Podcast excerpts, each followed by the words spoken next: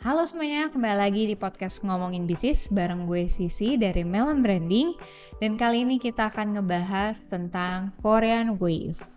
Yang tadinya kita di podcast sebelumnya udah ngomongin tentang Nespresso yang masuk iklan di uh, drama Koreanya King Glen ya kan? Kalian pasti ingat. Dan juga ada iklan Kopiko yang masuk di Vincenzo. Dua-duanya pasti kalian tahu lah Korean drama itu. Nah jadi kali ini kita akan ngebahas Korean Wave secara keseluruhan. Apalagi Gen Z nih, mereka suka banget sama Halo semuanya, kembali lagi di podcast Ngomongin Bisnis bareng gue Sisi dari Melon Branding dan kali ini kita akan ngebahas tentang Korean Wave yang tadinya kita di podcast sebelumnya udah ngomongin tentang Nespresso yang masuk iklan di kayak dengerin sampai habis supaya kalian tahu bener-bener seluk beluknya lah dari Korean Wave ini untuk bisnis kalian tuh bisa apa sih? Nah, yang pertama itu ada di mana pertama kali grup musik BTS bikin heboh di acara Piala Dunia 2022 dan jadi pusat perhatian juga. Dan gak cuman itu, mulai gede lagi di McDonald dengan ngeluarin BTS mealnya yang inget gak sih pas kita lagi zamannya covid ya kan? Pas munculnya BTS meal ini ngantrinya ya ampun. Dan bahkan sampai gue inget banget ada satu gerai eh, McD yang sampai harus ditutup gara-gara uh, melanggar peraturan covid karena membuat kerumunan. Nah itu saking heboh dan gedenya hype dari si Korean Wave khususnya di BTS mealnya itu. Dan selain dari McDonald dengan BTS mealnya, kita juga lihat ada BTS dengan sebagai brand ambassador dari Tokopedia, brand Indonesia, ya kan? Dan juga ada Lemonilo dengan NCT Dream dan Scarlett Whitening dengan Twice. Jadi benar-benar kayak popers ini ya, nggak main-main, tapi juga fansnya lebih gila lagi dan juga keren banget di dunia bisnis dan marketingnya karena ternyata bisa semenggemparkan itu. Nah selanjutnya kita juga ngomongin tentang di mana ada podcast yang judulnya itu The Influence of K-pop Fandom in uh, Brand Marketing. Itu si Tomo Kada dari Direktur Perencanaan Strategis Hakuhodo Inc. Mereka menceritakan gimana caranya komunitas K-pop itu punya fandom yang berperan besar banget di dunia pemasaran.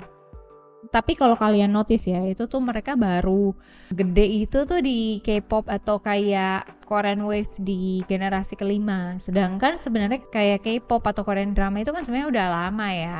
Gak cuman baru belakangan-belakangan ini. Tapi sekarang udah di generasi kelima di mana udah hype banget. Dan tapi di generasi satu sebenarnya juga udah ada. Misalnya kayak SeoTaiji and Boys terus HOT gitu ya dan lain-lain gue belum ngikutin juga di waktu itu jadi gue berdasarkan research aja nih ternyata generasi pertamanya tuh kayak gitu tapi ya namanya belum hype banget tapi di belakangan ini bahkan gue yang nggak terlalu ngikutin Korea aja gue tahu nama-nama bandnya gitu. Jadi segitu gencarnya K-popper marketing ini dan juga gak cuman K-poppernya tapi kayak dramanya juga semua. Jadi tahu juga pemerannya siapa aja. Jadi menurut gue wow keren banget Fashion bukan cuma soal gaya, tapi juga kepercayaan diri. Dengan koleksi terbaru Rodeo, kamu bisa tampil kece dan beda setiap harinya. Lagi cari tas kece buat nambahin gaya kamu? Laris jawabannya.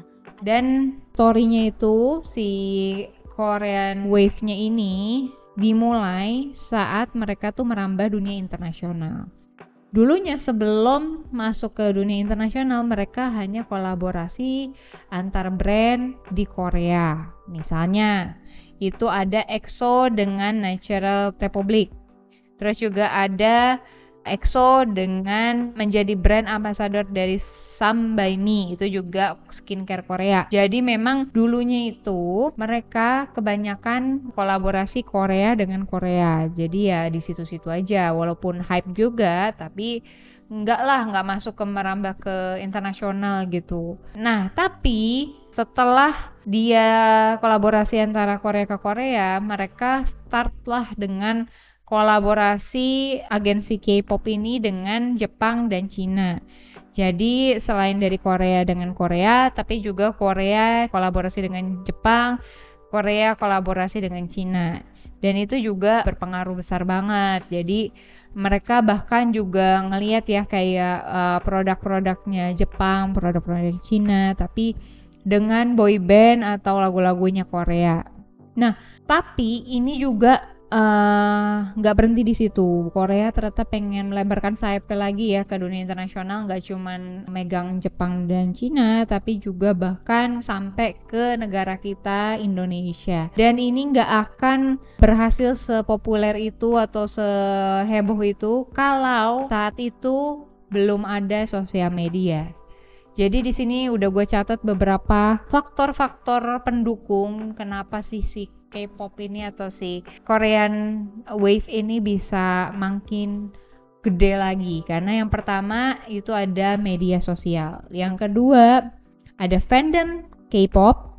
Yang ketiga dengan produksi yang tinggi gitu ya, mulai dari video musik, penampilan dan juga konten-konten K-pop yang tentunya kualitasnya semakin tinggi dan juga produk K-pop yang kita sebut sebagai merchandise.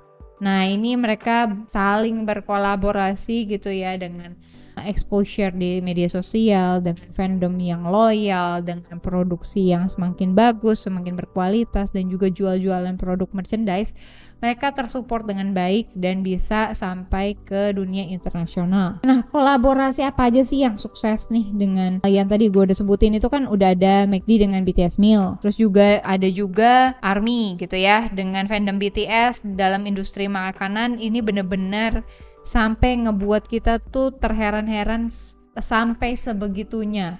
Orang tuh sampai rela untuk ngejual tempat makan bekasnya dia untuk dijual kembali gitu ya. Padahal ibaratnya kotak McD bekas gitu, tapi karena ada embel-embel BTS-nya orang mau beli loh dengan harga yang mahal. Dan nggak cuman itu, juga ada juga yang sampai harus barter-barter collection ya kan segala macem demi mendapatkan koleksi K-popnya ini yang terbaru atau yang memang sesuai dengan koleksi mereka gitu. Dan itu ternyata kuat banget fandom-fandomnya mereka dan mereka akan belain apa pun itu yang harus mereka keluarkan gitu ya. Nah tapi selain dari fandom mereka yang memang udah loyal, sebenarnya apa sih yang mendukung lagi?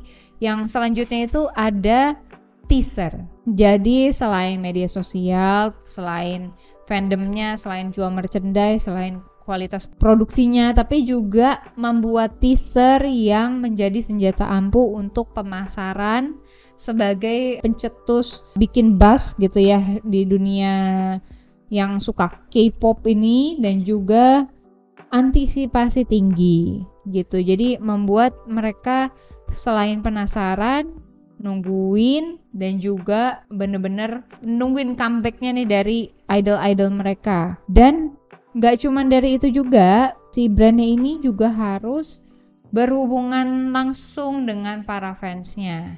Jangan sampai cuma kolaborasi tapi tanpa menyapa fans-fans dari K-popper ini. Jadi mereka butuh untuk disapa, butuh untuk diayomi, didengeri, uh, mereka maunya apalagi nextnya? Karena kalau kalian tidak melakukan itu mereka cuma tahu kalau ini tuh transaksional dan akhirnya mereka mungkin bisa aja ngeboikot brand tersebut. Ya ngeri-ngeri sedep ya. Jadi kalau emang kalian mendapat dukungan dari fandomnya ini tentunya brand kalian akan naik dengan pesat. Tapi kalau misalnya brand kalian itu justru malah uh, gak kooperatif dengan fandomnya mereka gitu ya bisa-bisa kalian kena boykot dan langsung terpuruk. Nah, karena Korean Wave ini mereka tuh paham betul kalau fandomnya ini sangat bernilai gitu ya.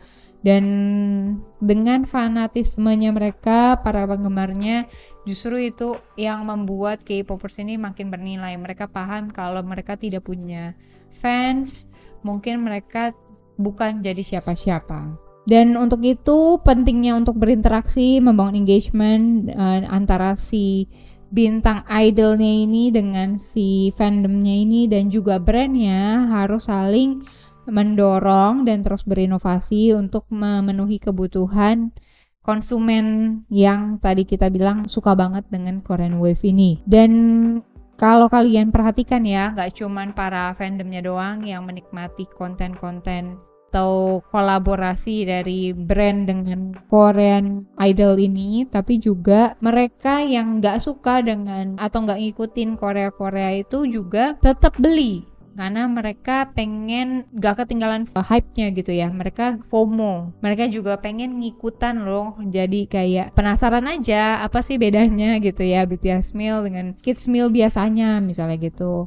Jadi bener-bener kita harus membangun kolaborasi yang tepat, memilih idol dan juga kolaboratif type yang benar, dan juga tentunya harus terus berinovasi di dunia marketing.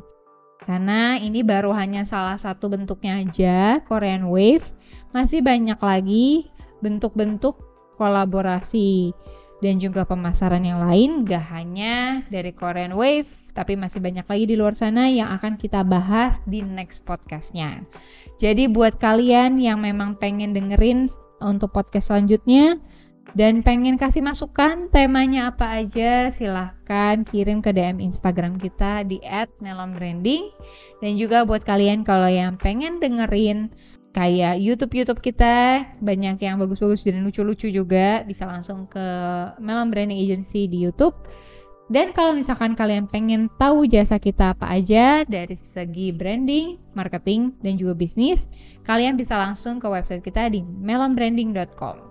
Kalau gitu, see you sampai di podcast selanjutnya.